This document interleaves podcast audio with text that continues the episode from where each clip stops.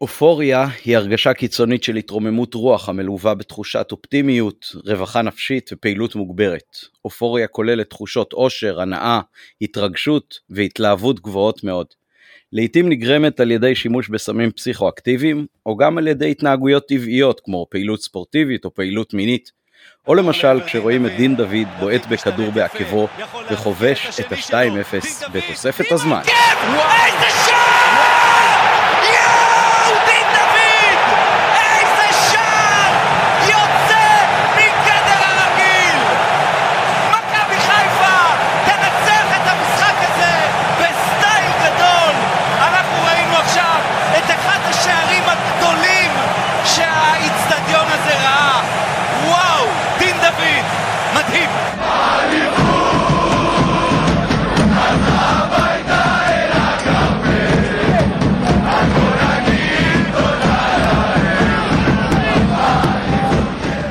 נובחים בירוק, פרק 342, כולם כולל כולן, מוזמנים ומוזמנות לעקוב אחרינו ברשתות החברתיות.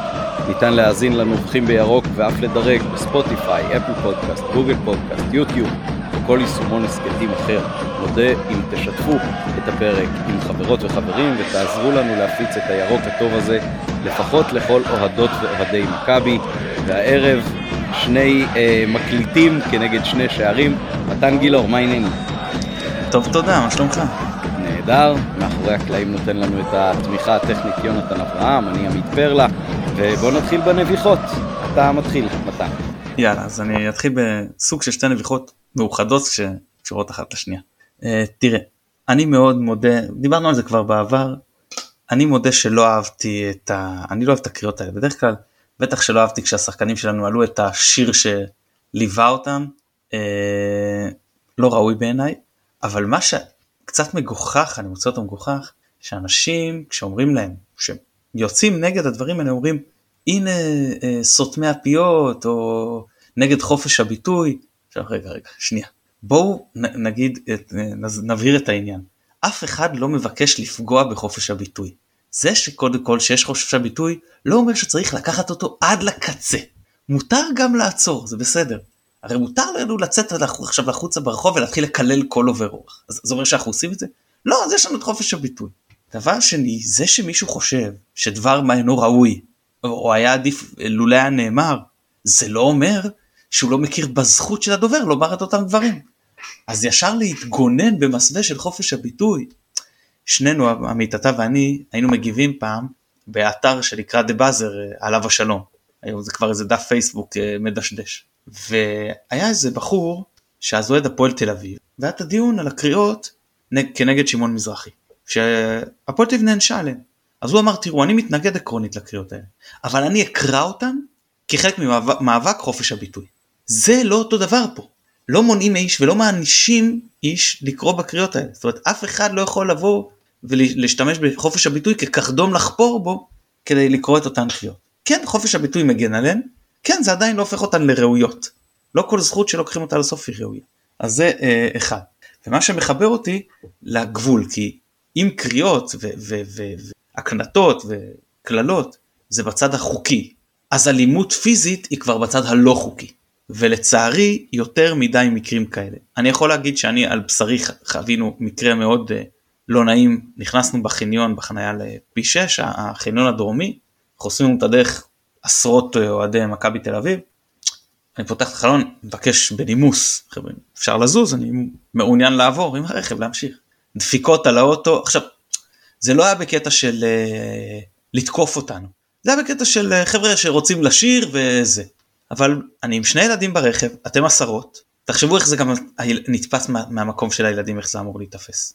Uh, אתה יודע, בן אדם, אני הכלתי להם חתימה טובה וחיכיתי שהם יזוזו ונסעתי אבל מישהו קצת פחות אה, אה, עם פיוט קצת יותר קצר אתה יודע זורק איזה מילה והדברים האלה יכולים להתלקח בקלות.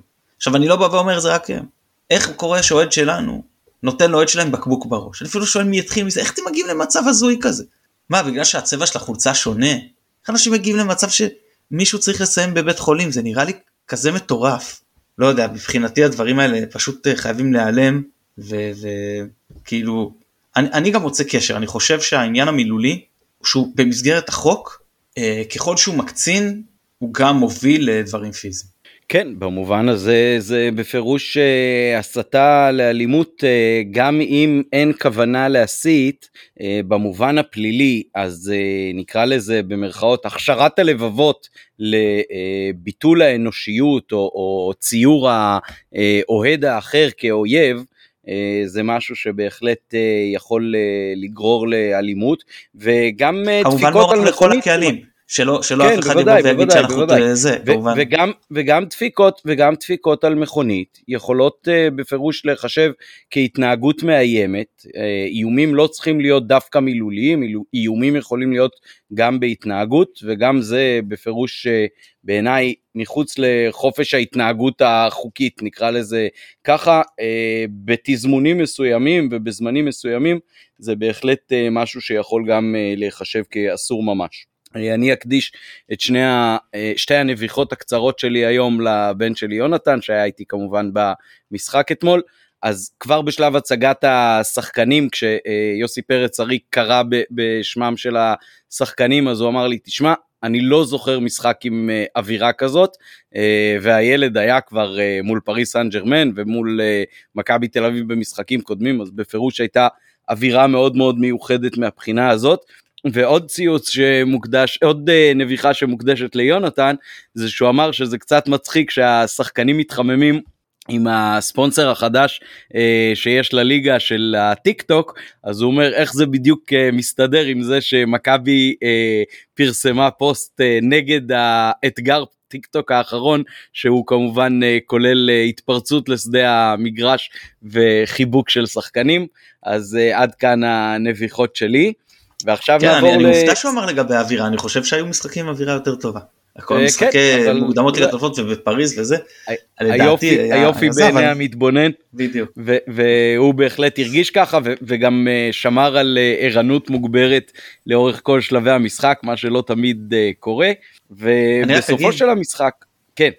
ברשותך, שמשהו אחד באמת יוסי פרץ ארי אחלה והוא מכניס לאווירה וזה. בכל משחק אתה אומר יאללה מכבי. תמשיך עם יאללה מכבי, למה יאללה מכבי חיפה? מה יום יומיים? יאללה מכבי. כן, נכון, זה היה באמת uh, מתאים, ואולי זה, זה מזכיר לי גם עוד משהו, uh, אחד הסרטונים שמכבי העלו לקראת המשחק, היה עם כל מיני שערים uh, איקוניים מול uh, מכבי תל אביב במשחקי עבר, uh, שערים של uh, יניב קטן למשל ו- ועוד ועוד, אני לא אמנה פה את כולם, אבל, אבל אני חושב שהייתה פה סוג של התבגרות של מערכת המדיה שלנו, כשהשער של יוסי בניון בבלומפילד, בהנה בא בניון, הנה בא בניון, לא נכנס לסרטון. Uh, וזה הזכיר לי כאילו גם סוג של uh, צמיחה ו- וחשיבה כי בעבר אחד הדברים שלי נורא נורא הפריע בעשור הנוראי שלנו היה כשעשו לאלי גוטמן אה, מין מסיבת סיום כזאת של הקריירת אימון שלו אחרי שהוא אה, אימן אותנו בשני משחקים וברקע רץ גם השער של אה, גילי ור... של אה, זהבי בטדי. אז זה נורא נורא הפריע לי, כאילו איך זה יכול להיות שהשער הזה מופיע כשברקע יש uh, את הסמל של מכבי, אז uh, פה בפירוש היה סוג של uh, הבנה של הקהל ולא נכנס השער של uh, בניון, אז זה, זה צד לי את העין. אני חשבתי שכן היה ראוי. אני חשבתי שכן היה ראוי. היה ראוי אולי ב, בימי חיים שכאלה, אבל בשלב הזה של ההתפתחות הספורטיבית שלנו, אני חושב ש, שזה היה נכון לא לעשות את זה, ועם כל זה שאולי יש לי פחות איבה לבניון מאוהדים אחרים שיותר רגישים בסיפור הזה, אני, אני ראיתי בזה סוג של התחשבות מחושבת. Uh, אוקיי, אז בואו נסכם את המחזור השישי, ניצחון בית על סגנית סגנית האלופה. Uh, אנחנו ספרנו לפני כן שש שנים שבהם לא ניצחנו אותם במשחקי ליגה בלי לספוג. Uh, הניצחון האחרון בלי לספוג היה של מולנסטין כמאמן ב-24 באוקטובר 16. אז היו הכובשים כמובן קגלמאכר ואלירן עטר במשחק בנתניה, כשמכבי תל אביב ערכו שם, אז שם היה 2-0, ולפני כן עוד אה, עשר שנים עברו מאז דצמבר 12, שזה היה הניצחון הבית האחרון שלנו בליגה אה, מולם בלי לספוג, אז אה, זאת הייתה עונת עטר בנאדו, שאמשה כבש בדקה ה-80 את ה-1-0 בקריית אליעזר, כשראוי לציין שנדמה לי השחקן היחיד שעוד משחק באחת משתי הקבוצות זה גולסה, שאז היה בשורותינו, ועכשיו כמובן במדים הצהובים. אז בואו נתחיל מתן עם התחושות שליוו אותך לאורך המשחק, לפני, תוך כדי, אחרי. טוב, אני, אני רק אגיד כאילו אה, טוב, אתה יודע מה נגיע לזה אחר כך. בסדר, תראה, אה, אמ, אה, כשהייתי נער מאוד מאוד התעניינתי בקטע של הסמים, אל תבינו לא נכון, לא השתמשתי מעולם באף חומר משנה תודעה, אתה יודע, היום זה לא איזה משהו להגיד שמישהו ניסה ג'וינט או משהו, אני לא, לא, לא יצא לי, זה גם לא מעניין אותי, סליחה, אולי אם אלכוהול כן נחשב משנה תודעה, אלכוהול ניסיתי, אבל לא, לא שום חומר שהוא לא חוקי, בסדר? היום אני גם לא נוגע באלכוהול כבר המון שנים, משהו כמו אה, כמעט 12 שנים לא נגעתי באלכוהול, לא שותה קפאין, אה, סתם כדי לתת את הרקע הזה. אבל מאוד עניין אותי וקראתי המון, אה, יצא לי גם ללכת למשפטים, לשבת בבית משפט של אנשים שכאילו הואשמו בסמים וזה, זה עניין אותי הסיפור הזה.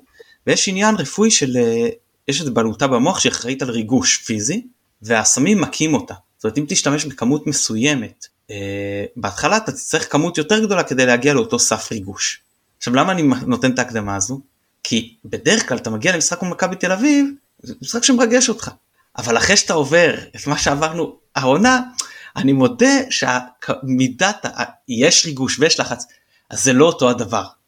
אין מה לעשות, אתה, אתה, אתה, אתה, אתה יודע, אתה עובר מליגת אלופות, אתה, אתה עובר ממשחקים שהם אה, אה בקריסקקיס, ומי שהיה בבלגרד, אני לא הייתי כן, אבל לא משנה, יושב בבית גם רואה את זה, אז מן הסתם שזה מכה במידה מסוימת. היה לחץ, אני מודה שאני חשבתי שהם באים כפייבוריטים למשחק, ואחרי שראיתי את ההרכבים, עוד ארחיב לגבי זה בהמשך, עוד יותר חשבתי שמידת הפייבוריטיות שלהם רק גדלה. ולפני שאני אעביר אליך שתיתן ככה את האווירה ורקע וזה, כי אה, אה, אני רק אציין שבהקראת השמות, כולם אומרים קורנו במקום קורנו. אז אני אמרתי שאם כבר מעוותים אז אין לי בעיה, כשהוא אומר 27 אני עונה לו משומר. כן, אני חייב להגיד שכשראיתי את ה-27 גם משומר קפץ לי לראש, אבל אמרתי קורנו. Uh, כן, טוב, אז התחושות. Uh, אני כן עליתי עם, עם ריגוש, ואתה אמרת חשבתי, אני חששתי. Uh, מאוד חששתי מהמשחק הזה. Uh, גם בהסתכלות אחורה וקדימה, אז אמרתי, רגע, הפסדנו בטדי, אנחנו עלולים חס וחלילה להפסיד uh, את המשחק הזה. גם חשבתי שהם אה, עולים כפייבוריטים, אבל דווקא כשראיתי את ההרכב, אז אני חייב להגיד ש, שחששתי פחות. אה, ניגע ב, בענייני ההרכב והטקטיקה אחר כך, אבל אה, זה, זו הייתה התודעה שלי. ואז התחיל המשחק, ומכבי לדעתי שיחקו ממש ממש על הכיפאק. אה, נפרט וכולי, אבל הרגשתי טוב, הרגשתי מאוד טוב עם איך שמכבי משחקת, הרגשתי את העליונות ברוב שלבי המשחק, לא רק ברגעים שזה היה מאוד מאוד בולט.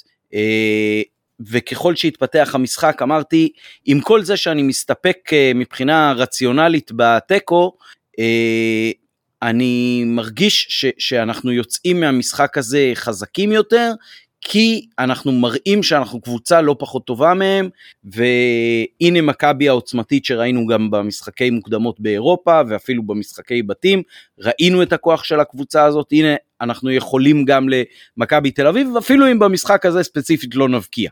אז הרגשתי יותר ויותר טוב, אבל אז ככל שהדקות נקפו והמשחק התקרב לשלבי ההכרעה שלו, אה, החשש מאוד מאוד גדל, כי אנחנו מוכי טראומות כמובן, ואני מאוד מאוד פחדתי שהם הולכים לעקוץ ולגנוב, לעקוץ ולגנוב, ו- וזה בפירוש היה משחק שאם הם היו מבקיעים הם היו עוקצים וגונבים. זה, זה משחק שהגיע לנו לנצח בו, ו- ואני נורא שמח כמובן שזה ככה קרה, אה, וזה הגביר מאוד מאוד את, ה- את התחושת מושלמות של הערב הזה אתמול, כי הפחד אצלי הלך וגבר ככל שהדקות נקפו, ואז כש, כשכבשנו אז באמת האופוריה השתלטה וגם אחרי המשחק עוד, עוד אה, יצאנו ושתינו בירה ו, ולקח לי עוד איזה שעה שעה וחצי עם הרשתות החברתיות בבית ולראות את הגולים והתקצירים עוד פעם ועוד פעם היה מבחינת uh, תחושה אופוריה של ממש משהו שגם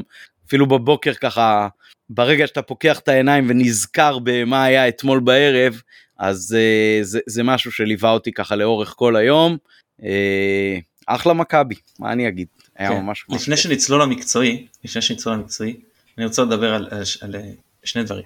אחד, הדבר שהיה לי, אה, שחששתי ממנו קצת לפני, זה שאם אתה מבודד את ההפסד לפריז, הוא לא, הוא לא יתקבל קשה. ואם אתה לוקח את ההפסד להפועל ירושלים, הוא גם לא יתקבל קשה, הוא יתקבל בסדר, חזרנו, לא היה רוטציה, היינו יפה. אבל אם היינו מפסידים פה כבר היינו עם שלושה משחקים ברציפות הפסדים. ודיברנו, ובעיקר אתה הזכרת את זה בעונות הפחות טובות שלנו, כמה המומנטום הוא חשוב, וכמה זה שבלבול התחיל את הקדנציה שלו במומנטום חיובי, יכול להיות שהפך פה את הסיפור במועדון. אה, אז אני מאוד מאוד חששתי שאם אנחנו מפסידים, כי זה לא נורא, להפסיד משחק בשלב הזה, גם אם זה ארבע נקודות, זה לא סוף הסיפור. אבל אתה נכנס למומנטום שלילי של אה, שלושה הפסדים ברציפות, יכול להפסיד גם בטורינו, לא מופרך, ארבעה הפסדים ברציפות, זה כבר, יכול להיות שאם אתה מבודד כל אחד בנפרד זה לא נורא, אבל זה כבר סחרור שלילי. וחששתי. מצד שני, איפה הייתי קצת יותר אופטימי? אמרתי רגע, יכול להיות שהפועל ירושלים זה קריית גת. יכול להיות שזה יפקס אותנו, יוריד אותנו הכי לקרקע, ויביא אותנו, אתה יודע, חדים מאוד, כמו שאז קריית גת לקראת אה, משחק העונה הזה שהיה עם הפועל תל אביב. לא שזה משחק עונה בשלב הזה, אבל אתה יודע, אתה מבין למה אני מתכוון. זה מבחינה הזאת. ואחרי המשחק, תראה, אני, אני מחלק את האוהדים ש, ש, אה, מבחינת הריגוש לשניים. יש כאלה, נקרא להם אסכולת קריס, אה, קריסקקיס ואסכולת המרקנה, בסדר? אסכולת המרקנה אומרת, כבר הייתי בחוץ, כבר הייתי בדאון 2, משום מקום חזרתי, ואז בדקה ה-90 הבאתי את השער שהפלתי ליגת אלופות, זה כאילו מבחינתי הרכבת הרים הרגשית הזאת, זה מה שאני רוצה ממשחק כדורגל. ויש את אסכולת קריסקקיס. באתי לאצטדיון קשה, מול קבוצה שעלתה 12 פעמים ב-13 השנים האחרונות משלב בתים, לא לשלב בתים, משלב בתים באירופה, ומחצתי אותם, והייתי, אתה יודע, נתתי הצהרה. אז אני מודה שאני מאסכולת קריסקקיס. אני יותר נהנה ממשחקי הצהרה מאשר ממשחקי רכבת אה, הרים רגשית. ולכן המשחק הזה היה לי הרבה הרבה יותר כיף ממשחק המהפך בשנה שעברה. כי בעונה שעברה, חלק גדול מהמשחק הייתי בבאסה. ופה כל, או כמעט כל המשחק, נכון שאתה חשש וזה הגיע לשלב מאוחר והיה להם באמת הזדמנויות, הם יכלו גם לנצח, כמו שאמרת, לעקוץ. אבל הייתה הרגשה כל הדרך של אנחנו טובים יותר, אנחנו נותנים פה איזושהי הצהרה, ואם גם ננצח כמו שהגיעו לנו, הגיע לנו, אז זה באמת איזשהו בוסט מאוד רציני. ולכן אני מאוד נהניתי מהמשחק. עכשיו, אתה רוצה עוד כן, משהו? זהו שאני... לא, עוד, עוד מילה אחת, זה באמת מזכיר לי משהו שהתכתבנו עליו גם בוואטסאפ אה, סמוך לסיום המשחק, ש, שלי זה מאוד הזכיר את המשחק שבו אה, ניצחנו אותם בבלומפילד 1-0 בעונת אה, 2002-2003, עונת הצ'מפיונס הראשונה, שבאנו, ולמרות שהמשחק שם נגמר ב-1-0, זה היה מפגן של דומיננטיות ממש ממש ממש מרשים, תחשוב כאילו לזכור עכשיו 20 שנה אחרי ניצחון 1-0 שלא היה בו כמו שאתה אומר לא את ההצהרה ולא את הדרמה ולא כלום אבל האיכות של המשחק היכולת ההפגנת עליונות הזאת הייתה כל כך כל כך משמעותית שזה אה, ישר הזכיר לי את המשחק ההוא. אה, ועכשיו אני אתן לך... מהמשחק הזה. המשחק ההוא היה הרבה, המשחק ההוא כן, היה כן, הרבה הרבה יותר נכון. חד מהמשחק הזה, למרות שהוא יסיים רק 1-0. חד משמעית, חד משמעית, נכון, נכון. אה, אבל, אבל אז גם לא היית בהסתכלות על, על תקופה מאוד ארוכה שאתה מאוד מתקשה מולם. אז, אז מהבחינה הזאת אה, זה משהו שהוסיף אה, אמש. ועכשיו אני אתן לך, כשלאו פה נובח ברקע, אני אעשה את עצמי במיוט ואתן לך לסכם ככה טקטית את הלפני והאחרי, וכמו שאמרנו כבר קודם, אז בעצם אתה ראית את ההרכב ודאגת יותר, אני ראיתי את ההרכב וזה קצת הרגיע אותי, ההרכב של אה, איביץ'. כן, אז אני רק אגיד שהדבר הכי דומה בין המשחקים זה חלוץ שלנו שפשוט גורם, עושה על ההגנה עומס פיזי מטורף. בוא לא נשווה ביניהם, אני רק אה, את העניין הזה. כן, אז תראה, אנחנו, אה, כשראיתי את ההרכב שלנו, שלא הפתיע כמובן, רק השאלה הייתה אם זה היה לי מוחמד כן או לא, מבחינת כשירות והכל, אני לא ידעתי מה המערך. אני הנחתי שזה יהיה 4-3-3 אבל לא ידענו האפשרות היום שמכבי תעלה אפילו אם תעלה 4 כשראינו את חזיזה עומד בפתיחה בשמאל קרוב אלינו במזרחי אז ישר אמרנו 4 4 3 ואז אמרתי רגע גם נגד אולימפיאקוס הוא פתח 4 4 3 תוך דקה הוא כבר היה מגן ימני. אז אמרתי אנחנו לא יודעים מה יהיה פה. אה, בדיעבד בסדר שחקנו 4 4 4 3 3 סליחה. עכשיו מכבי תל אביב איביץ' פתח עם 5 4 1 יהלום וברק הודה אחרי המשחק שזה הפתיע אותו. כשהוא ראה את ההרכב הוא אמר לא היה לנו הרבה זמן להתכונן והוא הסביר שזאת אחת הסיבות אם שמת לב שמכבי באופן די מפתיע לחצה יותר בחצי השני מאשר בחצי הראשון. והוא אמר באחת הסיבות שהמערכת הפתיע אותנו ואחד העניינים זה אולי באמת להתמודד עם הלחץ.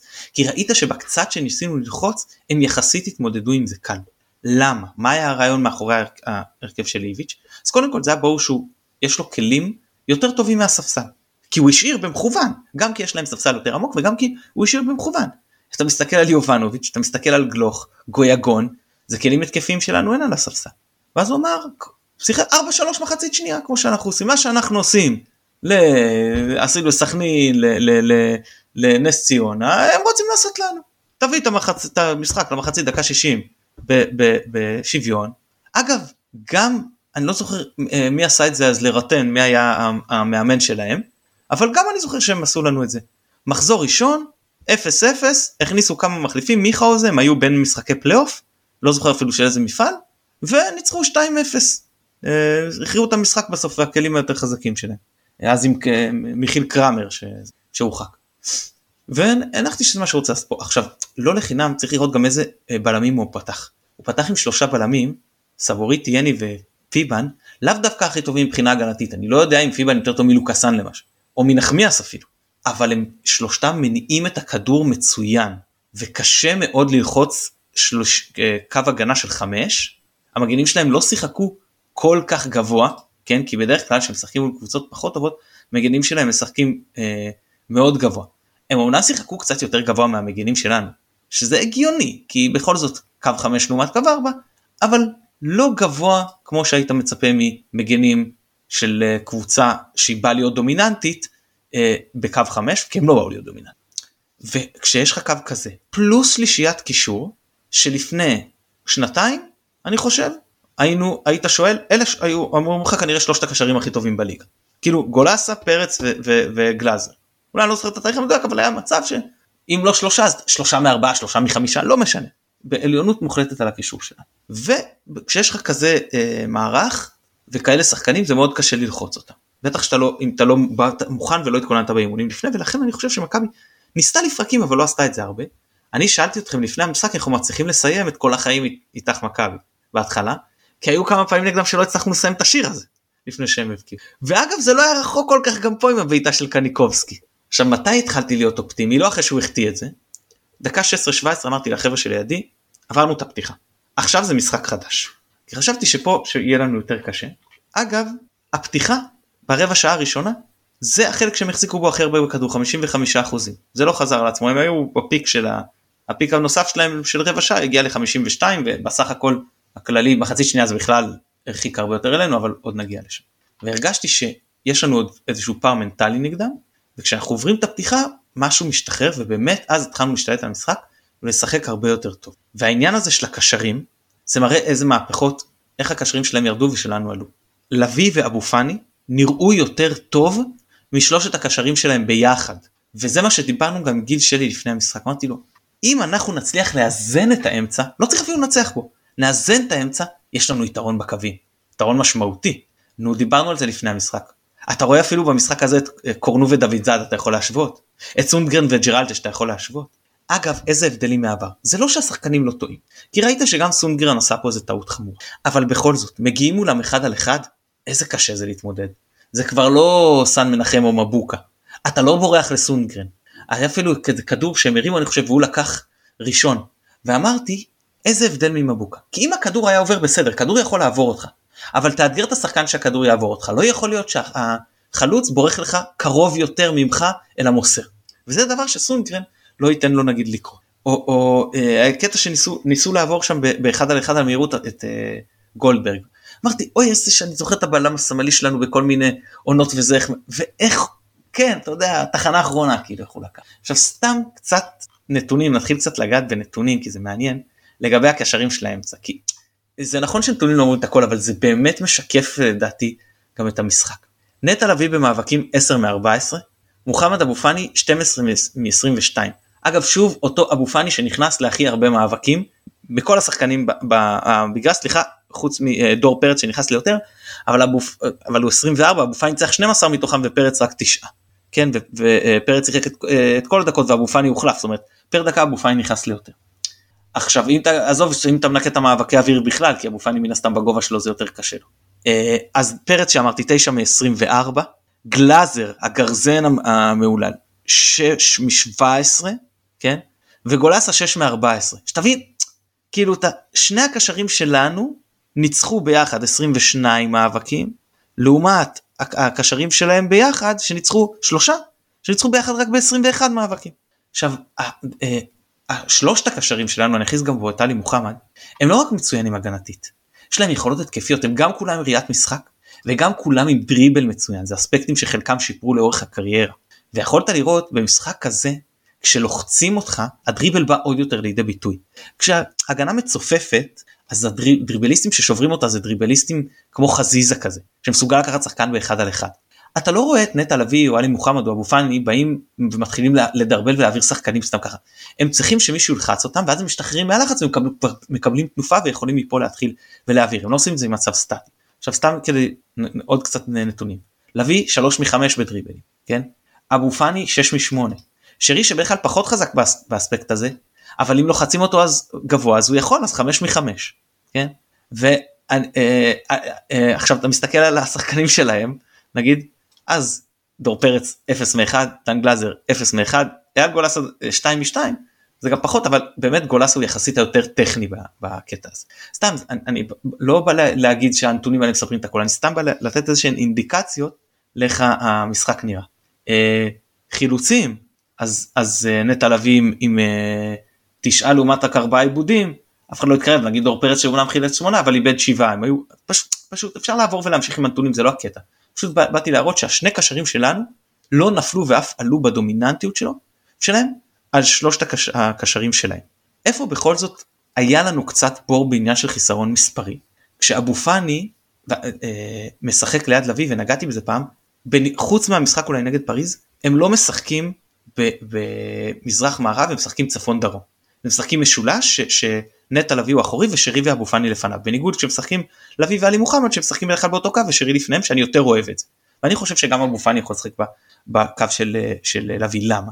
כי נוצר מצב שלביא מה לעשות הוא שיפר הרבה דברים במשחק שלו הוא שיפר את הדריבל והוא שיפר בעיטה מרחוק והוא שיפר את הראיית משחק שלו ואת האחריות שלו ואת החיפוי של, של על מה שהוא לא ידע לעשות פעם כקשר אחורי.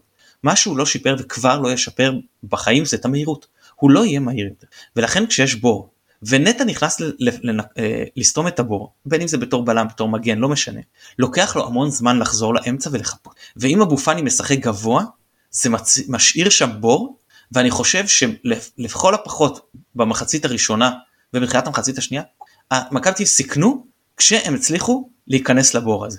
לאו דווקא התקפות שהסתיימו במצב מסוכן אבל התקפות שיש להן פוטנציאל נקרא לזה ככה. ואני חושב שפה בכר צריך לתת את הדעת. כי ברור שאתה בא נגד ריינה אז אין בעיה שתפתח באחד שניים בסדר. ו- וברור שאתה בא נגד נס ציונה אין בעיה שתפתח באחד, ש- באחד שתיים אפילו במשחקים כאלה לא בטוח שחייבים את לביא יכולים לשחק אפילו אבו פאני ואלי מוחמד שהם יותר טובים מלביא בהנעת הכדור למרות שהוא גם בסדר גמור. אגב שלא ישתמע שאני אומר שלא שאפשר שחובה בלי לביא אני אומר גם פשוט רק מציב את האפשרות. לעומת זאת כשאתה משחק נגד כשאתה משחק נגד מכבי תל אביב קל וחומר ליגת אלופות אני חושב ששתיים אחד יותר מתאים מאחד שתיים. בטח כשהם עלו בקישור מעובה. והשחקן שלא לחינם היה הכי מסוכן אצלם זה קניקובסקי. כי הוא באמת זה האזור שהוא חי בו. ועכשיו השאלה אם אוסקר גלוך היה פותח האם הוא היה יותר מסכן אותנו מהשטחים האלה אולי היינו בכלל משנים את חלוקת השמירה וכן שמים שם יותר דגש אני לא יודע זה לא משנה כמו שאמרת בצדק אנחנו אה, משחקים רק מול הקבוצות שמולנו אנחנו לא יכולים לשחק מול קבוצות דמיוניות או אלטרנטיביות. אנחנו משחקים מול השחקנים שפותחים וזה סיכון שהיה גם אפשר לקחת. עכשיו תראה אני מסתכל רגע ברמת כל המשחק מכבי תל אביב לא הייתה מבחינת ה-XG צערים צפויים לא הייתה הרבה מתחתנו אבל זה משקר זה מה שאני קורא שאני אומר תמיד שהמדד שמעניין הוא המדד שלא מתפרסם של XG מתואם. למה? כי מי שהגיע אצלנו למצבים שלושת השחקנים, אתה יודע מה, בוא נוריד את דין דוד מחליף. שני שחקני ההרכב שהציגו אצלנו, הגיעו אצלנו למצבים הכי טובים, זה פיירו ואצילי. זה השחקנים שאתה רוצה אותם, אם אתה יכול לבחור את מי אני רוצה במצבים, אני רוצה את אה, אצילי ואת פיירו. ואצל מכבי תל אביב מי הגיע למצבים? לא זהבי, אתה יודע מה האקסדי של זהבי? בוא תנחש. באזור, לא צריך בדיוק. אני לא יודע, אני ראיתי איזה משהו שמישהו כתב היום ארבע או משהו כזה, אבל זה, זה לדעתי היה איזשהו סוג של הטרלה, אני לא הבנתי. לא, לא, נתון אחר בו. אז האקסדי של זהבי הוא אפס. אפס. לא נתנו הוא לא לו כלום. בעט לשער נדמה לי. אם הוא היה הוא בועט לשער היה לו אקסג'י. אתה לא יכול, כן. כל בעיטה לשער איזשהו סיכוי לכאורה להיכנס, כן? אה, אז כלום, לא, לא נתנו. אז מי נתנו? מי היה שם השחקנים שזה? דור פרץ, גולסה ופיבן. אלה השלושה. אז אתה מבין שאתה לא יכול להגיד לי שאקסג'י דומה אם פה בצד אחד מגיע פיבן ובצד השני אצילי. אין, זה, זה לא בר השוואה בכלל. כי נכון שה-XG הוא פר מצב, אבל כשאתה מסתכל על מה שנקרא XG מתואם, מתואם פר השחקן, אז ברור שאנחנו היינו הרבה יותר מסוכנים, כי זה חשוב גם מי מגיע למצב. ואגב, את המשחק ההוא שניצחנו בנתניה 2-0, אני אחריו כתבתי את הטור שהוא היה נקרא מקריב רץ מכה מלכה. כי אמרתי שבאותו משחק אנחנו הימרנו על צ'יקו, על אה, לא צ'יקוף ידוע, על אה, נו, ברח לי השם, נוסאי גיבור לדעתי זה היה. או פרד או גיבור, אתה יודע מה, אני לא זוכר, יכול להיות שאני, שאני, שאני מתבלבל. אמרתי, אנחנו נאמר שהשחקן הזה יגיע למצבים. בסדר, אנחנו נחיה עם זה. ל, ל, למסוכנים אנחנו לא ניתן. ואני חושב שפחות או יותר, פה הצלחנו לעשות את זה. כי המערך שלהם לא אפשר להם לספק לזהבי מספיק כדורים, והקל עלינו לעצור אותו. וקניקובסקי שאומנם כן היה יחסית מסוכן, אבל כן ידענו בסופו של דבר להתמודד איתו כשהוא מגיע לבלמים שלנו, שבאמת היו מצוינים. השחקן שאיבד אצלם הכי הרבה אגב קניקובסקי עם 11 עיבודי כדור. ו, אה, אה, ורק איום אחד, כאילו פעם אחת שהוא ניסה את מזלו שלך בביתה לשער. והיא באמת הייתה מסוכנת, וזה היה בפתיחת המשחק. הם עשו לחץ גבוה שטיפה הפתיע אותנו, הצליחו להוציא את הכדור מה, מהטעות של סונגרן, בעיטה, בסדר. זהו, משם גם זה כבר לא היה. Uh, זהו, והם באמת התעסקו הרבה יותר בלנטרל אותנו, uh, והגענו למצבים שלנו למרות שהם ניסו לנטרל אותנו. שוב אני אומר, מצב מעולה של פירו, דניאל פרץ, וואו, באמת, שוער אדיר, פתח סוגריים, אתה יודע מה, נגיע לשערים ואז אני אפתח את הסוגריים האלה, לא חשוב כרגע. וגם אצילי, שאם זה לא משחק נגד מכבי תל אביב, אז אני, אני חושב שהוא בא הרבה יותר, אה, אצילי זה השחקן אצלנו שבעט הכי הרבה לשער. שניים מהמצבים שלו, הוא בעט בימין, זה מצבים שברגיל הוא לוקח קל בשמאל. לוקח את הזמן, מעביר ברגוע, דיברנו על זה, זה לא ליגת אלופות, יש פה בליגה שלנו טיפה יותר זמן לחשוב, ולא יודע אם הוא כובש, אבל הוא, הוא עושה מזה משהו הרבה יותר מסוכן. מה שכן, אצילי כרגיל מתקשה מאוד מול צבורית, למרות שפעם אחת הוא עבר אותו והוא צריך להוציא ממנו את הצהוב, אבל קשה לו מאוד עם המצ'אפ הזה. ולכן שוב אני חושב שלאצילי היה משחק פחות טוב. כן, הוא נלחם, הוא נכנס למאבקים, והוא נכנס אליהם במסירות שאתה לא תמיד רואה ממנו. הוא היה, הוא, היה בתוך, הוא היה בתוך המשחק הרבה יותר ממשחקים שהוא לפעמים אה, מסיים אותם עם מעורבות בשניים ושלושה שערים. חד משמעית, אני מסכים איתך, חד משמעית. אה, אה, לא מבחינת זה שהוא היה טוב, כי הוא לא היה טוב, אבל הוא, הוא, הוא, ראית שהוא ממש רוצה.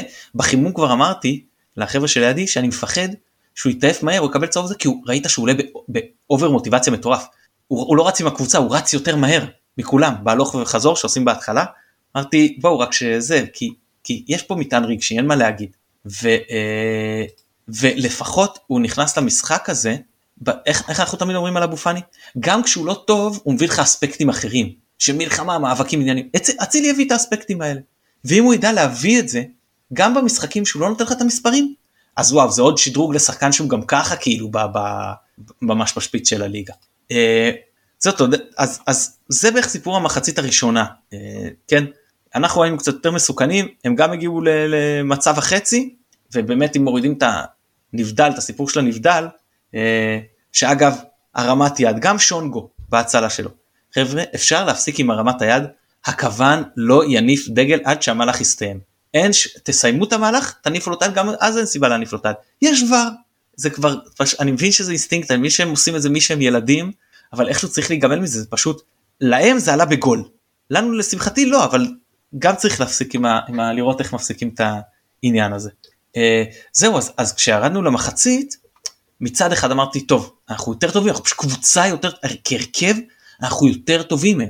מצד שני אמרתי שתי הקבוצות התעייפו בסופו של דבר יגיע הסיפור הזה של המחליפים אתה יודע כמו שהגענו למחצית בתיקו נגד נתניה או סכנין או נס ציונה ואמרנו אוקיי טוב לנו עכשיו הגענו בתיקו למחצית ואמרתי לא כל כך טוב לנו. עכשיו אה, אני אסביר למה כשאני ראיתי את ההרכב של אה, מכבי תל אביב אז uh, אני הייתי יותר רגוע ממך ואתה אחר כך תסביר למה ההרכב שלהם כל כך הדאיג אותך יותר.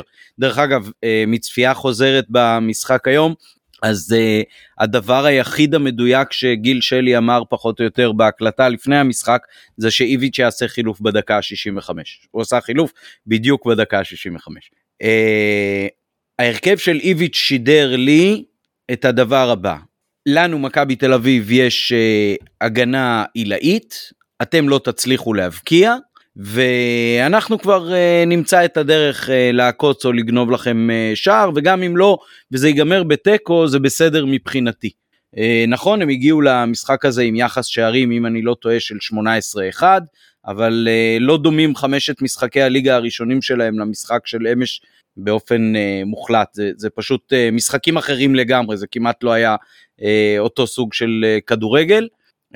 ונכון שיש להם הגנה טובה, ונכון שאיביץ' בעונותיים שהוא לקח פה אליפויות, אז ההגנה של מכבי תל אביב הייתה מדהימה, היסטורית וכולי, כל הכבוד. אבל זה מה שהוא רצה לעשות אתמול. הוא רצה להראות, אתם לא יכולים להבקיע לנו גול, וככה הוא התאים את המשחק שלו.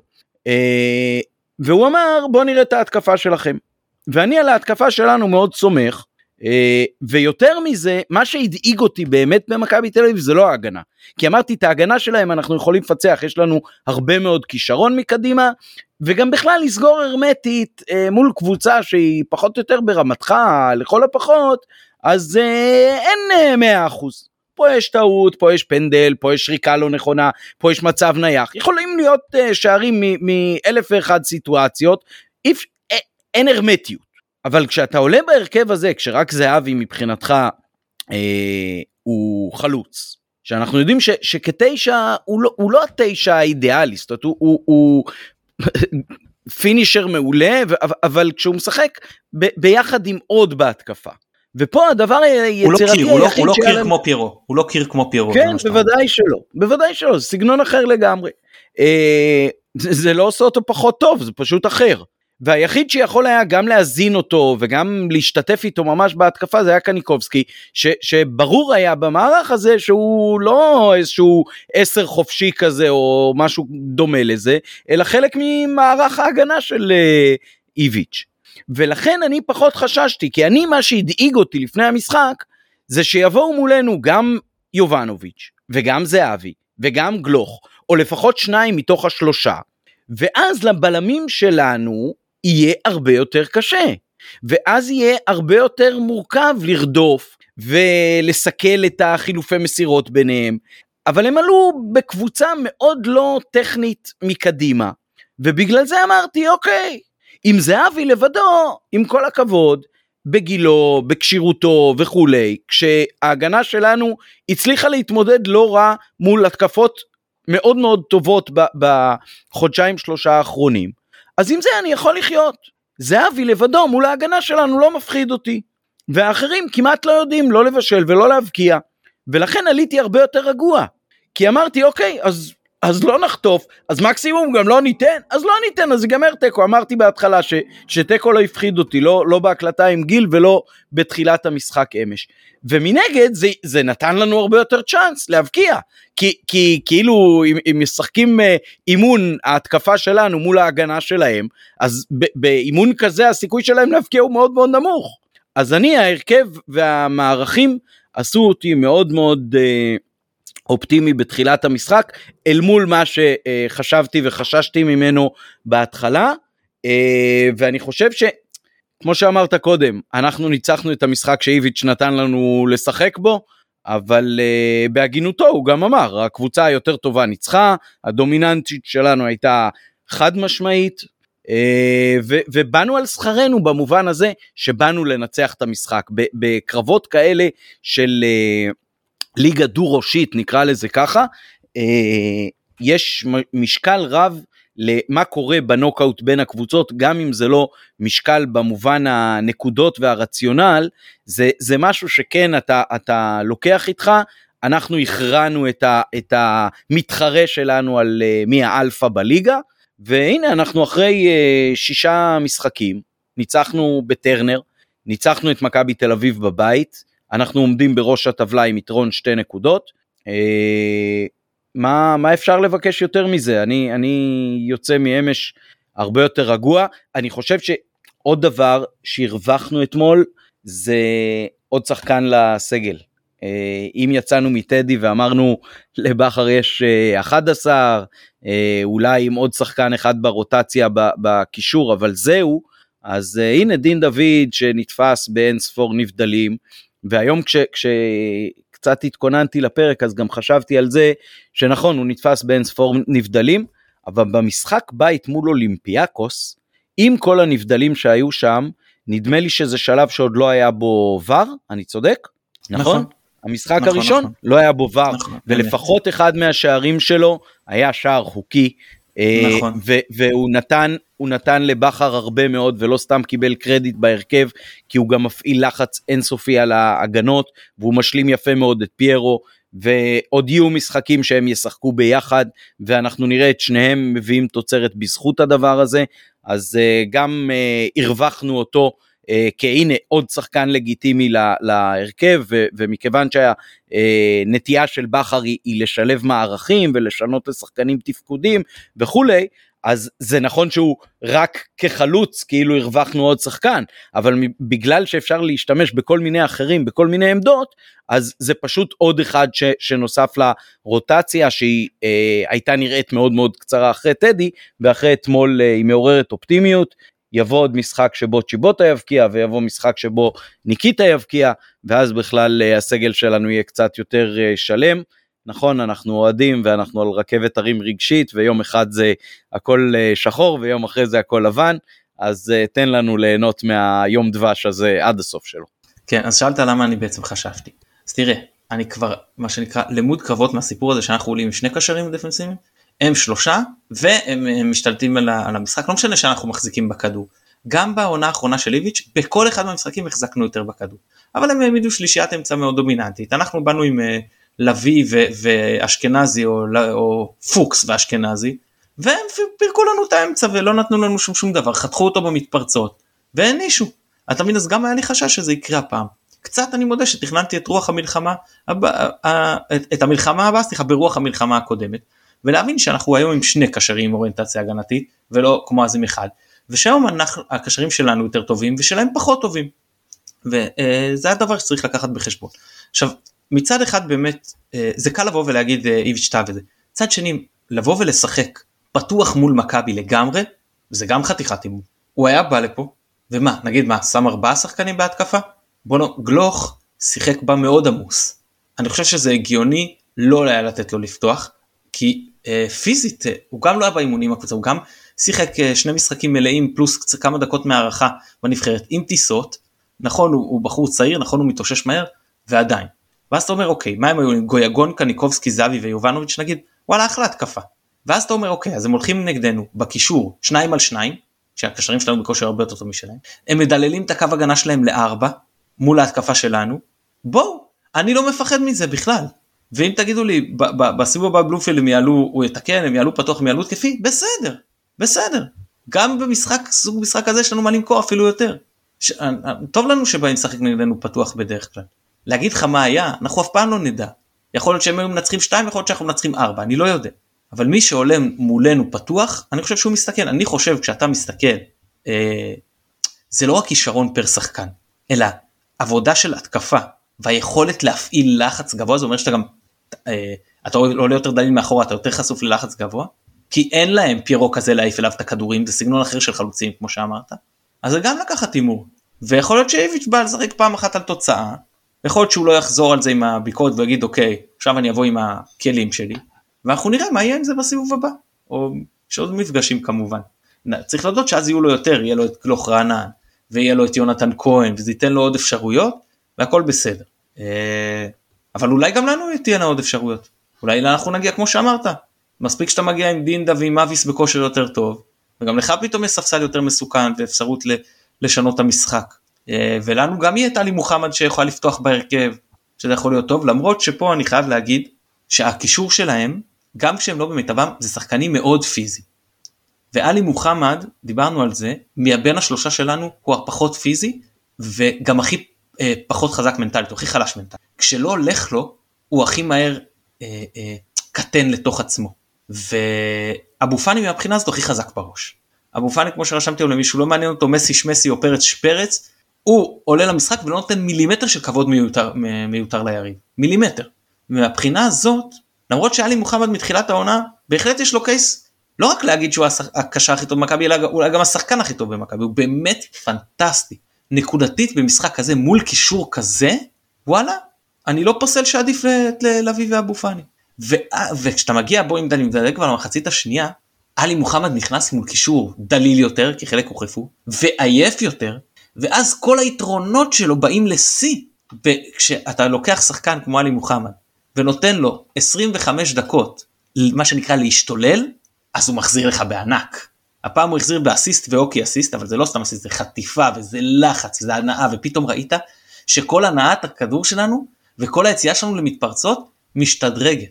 אגב זה טיפה אולי פגע בנו הגנתית כי היה לו אה, אה, אה, הוא גם לא היה אני חושב שהוא היה, היה קצת לא אחראי שלושה עיבודים ביחסית מעט זמן אני, באותן דקות המשחק הלך יותר לכיוון של רולטה אתה יודע מה וואו לא חשבתי על זה לפני טיפש אני שלא חשבתי על זה לפני בדיוק הטענה שלי עכשיו מקבלת חיזוק.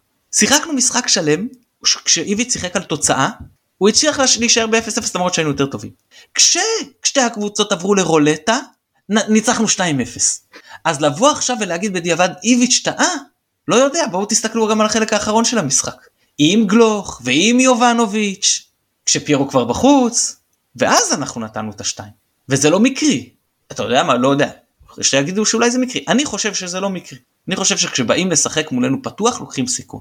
ופה המשמעות של פרנסי פיירו היא אדירה. תשמעו, אם הוא גם היה שחקן טכני מאוד, עם ממש דריבל מצוין ולהסתובב וזה ברמה של גביני אז אולי הוא היה איפה גביני עשה את רוב הקריירה כשהוא בגיל הזה ולא במכבי. אז צריך לקחת כל שחקן שיגיע למכבי יש לו איזשהו אה, אה, חיסרון אין מה לעשות. את, השחקנים המושלמים הם במקומות אחרים אבל העומס הפיזי ודיברנו על זה בעבר שהוא מסוגל להפעיל על ההגנות והפעם הזה זה אפילו היה על שלושה בלמים הוא עצום. ושאחרי זה נכנס שחקן במהירות של דין דוד ושחר פיבן שהיה עסוק במשך יותר משעה במלחמות פיזיות עם קרנף צריך לרדוף אחרי אחד השחקנים הכי מהירים בליגה אז זה קשה לו וכשהוא בא לתפוס אותו אז כבר אין כוח וכשהוא מרים את היד במקום לרוץ אז כבר אין חמצן לא מגיע לשכל. ואי אפשר להוכיח את הדברים האלה אבל לפי הניתוח שלי זה חלק מהעניין של התמודדת עם פיירו במשך דקות ארוכות וזה קשה וזה מתיש וזה מתגמל את כל שאר ההתקפה שלנו שגם בלי קשר מתוגמלת מזה שכולם מתכנסים אליו. כי אתה לא יכול להתעסק איתו רק באחד על אחד. אתה לא יכול, פיזית הוא פשוט רומס אותך. ואני יכול להגיד לך שכשראיתי את ההרכבים, גם, שנייה שנייה רק אסיים את המשפט הזה ואני אעביר אליך, כשראיתי את ההרכבים אמרתי אתה יודע מה הסיכוי הכי טוב שלנו? אמרתי ששרי ימצא את עצמו פעם אחת, לא צריך יותר, פעם אחת נוח לשמאל 20 עד 25 מטרים מהשאר. פעם אחת זה מה שאמרתי לחבר'ה ביציע. תנו לי את זה ויש סיכוי שאנחנו לוקחים. ווואלה הוא הגיע לזה ווואלה זה לא היה רחוק. כן, מה שאתה אומר אה, מאוד מאוד נכון כמובן. אה, לגבי החלק האחרון של המשחק, שבו לכאורה זה היה משחק יותר פתוח, אה, ואז היה הרכב שלכאורה היה יותר מאיים עליי, אבל אנחנו הגענו לשלבים האלה כשמכבי כבר אה, מלאה מאוד בביטחון עצמי, וכמובן שאם אה, פותחים את המשחק בצורה הזאת, אז זה לא בהכרח אה, אותו דבר. ולאורך אה, דקות אה, רבות של המשחק אתה, אתה ראית את מכבי כמי שרגילה לשחק מול קבוצות דומיננטיות וחזקות ומביאה את העוצמות של כאילו מה שהיא למדה באירופה אה, להתמודדות הזאת אה, ועברה את המבחן הזה מאוד בהצלחה. אה, צריך להגיד זהבי אה, זה לא זהבי שהיה פה אני לא יודע אם זה רק הגיל או הכשירות הפיזית או מה אבל אה, הרבה דברים שהוא יכול היה לעשות בעבר השחקנים שלנו התמודדו איתו בהצלחה, ראית את מכבי כמי שרגילה להתמודדויות פיזיות קשות ובכל הנתונים שנתת על חילוצי כדור ועל מאבקים מאוד מאוד הראו את זה, אז אני חושב שפה בפירוש הרווחנו בגדול. וגם מה שאמרת על אצילי, כל המלחמה הזאת, לא לוותר על אף כדור, אפילו על כל כדור חוץ, להיאבק עד הסוף, זה משהו שנותן הרבה הרבה ביטחון ועוצמה ולא בכדי לאורך כל המשחק אנחנו נראינו יותר טוב מהם אה, ויותר בתוך המשחק ויותר כמי שקרובים להבקיע מהם. אה, שני המצבים שהיו יותר קרובים אה, שלהם היו בסוף נבדלים, חוץ מאולי הבעיטה הזאת באמת של קניקובסקי בהתחלה. ויפה לראות שדין דוד שנתפס כל כך הרבה פעמים בנבדל עד עכשיו, דווקא את שני השערים שלו הבקיע כשהוא פחות או יותר אה, על קו הנבדל וזה היה ממש ממש אה, מרגש מהבחינה הזאת אה, ומשמח מאוד כמובן. עוד משהו שלך על כן, השערים כן, עצמם? בטח בטח בטח בטח. אז דינדה כמו שאמרתי מהרגע שהוא נכנס הוא נכנס מול הגנה יותר יפה. עכשיו תבין הדברים האלה לא תמיד באים לידי ביטוי בסטטיסטיקה כי אתה רואה את פיירו ואתה אומר רק 12 12 מאבקים זה מאבקים על כדור בעצם. זאת אומרת אוקיי מה זה לא כל כך הרבה אבל מי ששם לב במשחק, ואני לא יודע אם, אגב, אם רואים את זה, ב... לא ראיתי את המשחק עדיין משודר, אז זה, אני לא יודע אם רואים שזה יכול לנסות מי שרואה את זה חוזר, ומי שלא באצטדיון, לאבא אולי לשים לב, ואולי בטח חלק גם שמו לב איתי, היו כמה מצבים שאתה רואה איך סבוריט למשל, נלחם עם פירו off ball, שהוא לא יוכל להתקרב, אתה מבין? וזה לא נרשם בסטטיסטיקה, אבל זה גומר שחקנים. ואגב, גם פירו היה עייף מאוד, אבל זה בסדר, כי הוא יצא, ונכנס במקומו אחד השחקנים הכי מהירים בליגה, טרי, וזה לא שדין דוד רק את שני השערים, המצב הראשון אולי הכי טוב שלנו, או אולי חוץ מזה של פירו, היה של דין דוד שבורח להגנה יפה. אם אתה יודע מה אני מדבר, הראשון שלקח לו דניאל פרק. ואחרי זה עוד שני מצבים שהפכו לשערים, שזה שוב, האחד בסדר זה העיבוד זה, זה פחות רלוונטי שאגב גם יכול להיות שחקן אתה יודע עייף יותר סיכוי גדול יותר שהוא יאבד ברור שאי אפשר לזקוף את זה רק לזה כי זה באמת טעות מאוד מאוד חריגה בטח של סבורי. שהוא לא שחקן שטועה ככה אבל ככל שאתה יותר עייף, אתה יודע, סיכויים, אתה הולך פה על סיכויים, זה כדורגל משחק שתי סטטיסטיקות בסופו של, של דבר, גם אם חלקן אנחנו מסוגלים לכמת וגם אם uh, לאו. ובטח uh, בשער השני. עכשיו קודם כל אני ממש מבסוט בשביל דין, אני אגיד לך שאת השער השני אין סיכוי שהוא עושה אם הוא לא כובש את הראשון, לדעתי, ניחוש שלי, כאילו עניין של ביטחון. ואמרתי לך שאני אחזור לפרץ בשער. פרץ באמת שוער מצוין, אבל הוא עוד צעיר ועוד חסרה שם יציבות. ואם שוער מבוגר, נגיד ג'וש כהן, עושה את הטעות שהוא עשה בגול הראשון, כלומר נופל ונשכב בכלל לפני שדין אה, בועט הכדור, סליחה על הביטוי, מקלפים לו את האור עם סכין. כאילו שוחטים אותו. והוא מקבל פה גרייס, בסדר, גרייס של מרווח טעות של שוער צעיר, שברור שעוד יעשה טעויות, וזה בסדר, וככה בונים.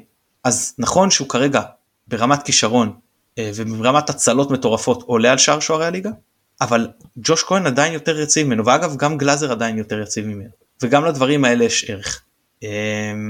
זהו אז באמת שמע השער השער הראשון באמת היה חשבתי כבר כמה פעמים התפוצצנו ביציע ואנחנו רק בתחילת אוקטובר העונה. היו עונות שאמרתי לעצמי בוא'נה לא התפוצצת פעם אחת ביציע בעונה שלמה. או פעם אחת נגיד. פה אני חושב קאריס קאקיס ו- ומי שהיה בבלגרד אני לא הייתי אבל בבית. ואתה יודע אה, אה, אה, גם אולי השוויון של חזיזה והשער של שרי נגד פריז. ושני השערים עכשיו נגד מכבי תל אביב. כי השני הוא שער שהיית מתפוצץ ממנו כנראה מול כל קבוצה כי, כי, כי הוא שער כל כך מיוחד בטח בכזאת סיטואציה. וכל הסיפור הזה אני אומר וואו כאילו איך, איך זה לוקח אותנו קילומטרים מהשנים הרעות. והביצוע בשני השערים קודם כל אני רוצה להתחיל מעלי מוחמד איזה אכבר קבוצתי השחקן הזה. אני יכול לחשוב לפחות על איזה שניים שלושה שחקנים אצלנו ובכלל בליגה שהיו בועטים מהמצב הזה ולא מפרגנים. כל כך קבוצתי כל כך רק טובת הקבוצה. ובשער השני גם. הוא הרי יכול לקחת את המתפרצת הזאת, אבל לא. הוא רואה שיש עליו איזשהו לחץ, ישר מעביר לשרי שהוא גם יודע שהסיכוי של שרי לקחת את זה מפה עליו בצורה טובה יותר גדול משלו, עם שאלה נמוכה. שרי עם מסירה שאני לא יודע אם כמה שחקנים בליגה מסוגלים לעשות אותה. ערן לוי היה כשהוא היה, אתה יודע, בליגת העל, אבל היה שהוא אולי יכול לעשות שאר הדברים, אבל את זה הוא יכל לעשות. ואגב היא לא הייתה מושלמת כי היא לא באה לדין דוד קדימה, היא באה לו קצת אחורה. והוא השתלט אחד השערים האהובים עליי, ג'ובאני אלבר, אני חושב בביירן מינכן שהוא היה, עצירה על החלק החיצון, כדור קפץ מעליו ואז הוא נתן וולה. מאוד הזכיר לי את זה לא כל השאר, את העצירה הזאת של דין דוד שהוא נתן עם החיצון של הרגל לעצמו אחורנית. עכשיו הוא רץ עם פיבן שכל הדרך מנסה להפיל אותו. זה שחקן אחר, שכטר כזה, יכול ליפול ולקחת פה את האדום בעיקר כשאתה מוביל. אה, ולפימן אני מניח גם שלא אכפת לו להקריב כל כך אדום במצב הזה, כי הוא לא שחקן הרכב קבוע במכבי תל אביב. אבל לא, הוא הלך כמו גבר עד הסוף, ואיזה סיום, כל כך הגיע לו הסיום הזה, גם על המהלך הזה וגם על מה שהוא עבר. ואמרתי לך, לך לאורך כל התקופה, אמרתי בהסכת ובכלל, שאחת הפציעות הכי קשות להתאושש מהן זה פציעה בלב. ואתה יודע, אני לשמחתי לא חוויתי אובדן של אה, אימא שלי, וככל שאתה יותר צעיר זה יותר קשה. ואני לא מדמיין לעצמי בכלל איך הוא הרגיש וכמה היה לו קשה להתאושש מזה ולחזור לזה. ואנחנו רואים, אמנם אובדן עורב ואובדן ילד זה לא אותו דבר, אבל אנחנו ממוות של קרוב כמה לקריסטיאנו רונלדו, אחד השחקנים הכי גדולים בהיסטוריה, קשה להתאושש ממה שהיה עם הילד שלו. אני מניח שזה גם לפחות חלק מהעניין. וגם צריך לקחת בחשבון שדין דוד בעונה שעברה לקח לו הרבה זמן עד שהוא נכנס לעניינים והתחיל להפציץ. כמו שאנחנו אומרים בקבוק הקטשופ, כן? שברגע שיוצא קצת זה זורם. ואני חושב שמעכשיו יהיה לו הרבה יותר קל, ובאמת שער ברמה מאוד מאוד גבוהה, שאם עוש... רשמו את זה כמה אנשים ורשמו את זה נכון, אם עושה את זה שחקן בפרופיל יותר גבוה, עפים על זה, אני מדבר איתך ברמות הכי גבוהות, אם עושה את זה זה מסי, או רונלדו, או מישהו, או לבנדובסקי, או זלטן, עפים על זה ברמה עולמית, עולמית, ואומרים לך זה דברים שרק הוא יכול לעשות, זה ממש היה שער ב-level הזה. ואני יכול להגיד לך שאחרי השער, אני אגב הייתי בטוח כל המהלך שהוא בנבדל. קפצתי עם מבט לכוון. תוך כדי שאני צועק יש מבט לכוון, ראיתי שהוא לא מניף כבר, זה היה, זהו, אז אני... אני, אני, בסיטואציות האלה, אני בסיטואציות האלה וגם בשער הראשון דרך אגב היה לי החשש הזה אני בשערים האלה תמיד מסתכל על ההגנה אם ההגנה לא מתווכחת אני אומר זה כבר כמעט בטוח גול. כן למרות שהפה פיוון כן הרים את היד ועבר מצד אחד הוא פוסל לך חגיגות חגגת כבר ועכשיו אתה פוסל לך את החגיגה מצד שני הוא נותן לך לחגוג פעמיים כי כל שער אתה חוגג פעמיים כשהוא נכבש וכשהמשחק מחודש כשבעצם השער מאושר. נכון שים לב.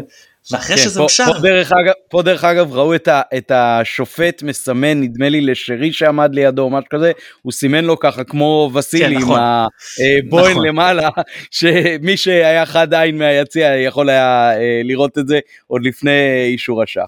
נכון וכשהוא סימן ככה אמרתי לבן שלי ניצחנו. כן, בפירוש ניצחנו ובגדול ובצדק אה, ואפילו אה, איביץ' הכיר בכך אה, וכאן אולי אנחנו מסיימים גם את ההסכם הזה. ש... משהו קטן, משהו קטן לסיום. אני יודע שרוב האוהדים שלנו לא אוהבים מכבי תל אביב, גם אני לא רוכש להם חיבה יתרה. אבל חשוב עדיין להגיד, כי ירדו עליהם הרבה באז, ואנחנו בסדר, זה טרשטוק בין אוהדים. זו קבוצה מצוינת, עם שחקנים הרכב מצוינים, סגל מצוין, מאמן שגם אם אתמול חושבים שהוא דעתי מצוין, ואני עדיין חושב שהם, אה, אל תשחטו אותי, אבל אני עדיין חושב שהם פבוריטים לאליפות בגלל הקמפיין שלנו באלופות ובגלל הדלילות שלנו בקישור ובואו לא נחזיר להם באותו מטבע שחצנות שהם אה, נקטו כלפינו בו לפני המשחק ואותו שיעור בצניעות שהם חשבו שהם באים להעביר אותנו ואנחנו לא נעביר שיעורים בצניעות, אנחנו פשוט נשאר צנועים ומפה נסתכל משחק משחק. עכשיו הראש רק ביובה, אחרי זה הראש רק בריינה וכן הלאה. כן, אני לגמרי שותף לזה, אה, גם להערכה שהם עדיין הפייבוריטים אה, בזכות הסגל שלהם, אבל אה, אני הרבה יותר אופטימי לגבינו אחרי הערב של אתמול, ולא רק בגלל השלוש נקודות, אלא בעיקר בגלל איך שנראינו. אני חושב שאף אחד לא יתווכח שזה היה משחק ליגה הכי טוב שלנו העונה. ואם נצליח אה, לבוא ברמת המוכנות הזאת, בעיקר אה, המחויבות והצד המנטלי לכל משחקי הליגה האחרים, אז אה, יש לנו קייס טוב להתמודד על האליפות עד הסוף גם השנה. תודה רבה מתן. תודה עמית, היה לי ממש ממש כיף הפרק הזה, אני מודה. למרות שחפרתי כן. בו כאילו טילים. זה, זה, זה הכי כיף uh, לסכם uh, ניצחונות במשחקים גדולים ולשמחתי העונה אנחנו uh, זוכים לזה כמעט מדי שבוע, אז uh, כן ירבו. נאחל צום קל uh, למי שצם, נזכיר שמחר צפוי לנו עוד פרק uh, לגבי ההכנה ליובנטוס עם uh, uh, עיתונאי איטלקי, נכון? הסכת איטלקי. הסכת איטלקי. לקראת uh, יובה. הסכתו. הסכתו במוצאי uh, כיפור ו- ויותר מוקדם היום הקלטנו גם uh, פרק עם uh, גיל קנל בעברית לגבי יובנטוס והכנה למשחק שם אז כל מי אה, לא מוצא מה לעשות עם עצמו בכיפור, או אה, עד המשחק מול אה, יובנטוס בחוץ, אז אה, מוזמן להאזין לשלושת הפרקים האלה, ואחר כך אה, יהיה גם space לפני ואחרי המשחק באיטליה. אה, משהו אחד לפני שמסיימים עמית? כן. משהו אחד לפני, לפני שמסיימים ואתה, מאחל אנקדוטה ממש ממש נחמדה כדי לסיים איתה. מי שני השחקנים אצלנו שדייקו בכל המסירות שלהם אתה יודע? אתה עזוב אה, אתה לא. לא תנחש. אז קודם כל למרבה ההפתעה ג'וש כהן וה- והחזירו לו כדורים לא קלים בשתי הרגליים 23 מ-23 כל ההרחקות שלו הלכו לכתובת מדהים ועבדולאי סק עם אחד מאחד. יפה מאוד. אה, אז אה, כל הכבוד למכבי והמון תודה באמת על מה שקורה כל העונה הזאת. אה, כן ירבו השמחות, שיהיה לנו המשך שבוע טוב ובשורות טובות מאיטליה. אני הייתי עמית פרלה, יונתן אברהם נתן לנו את התמיכה הטכנית מאחורי הקלעים. להשתמע בהמשך השבוע. ביי ביי. ירוק עולה.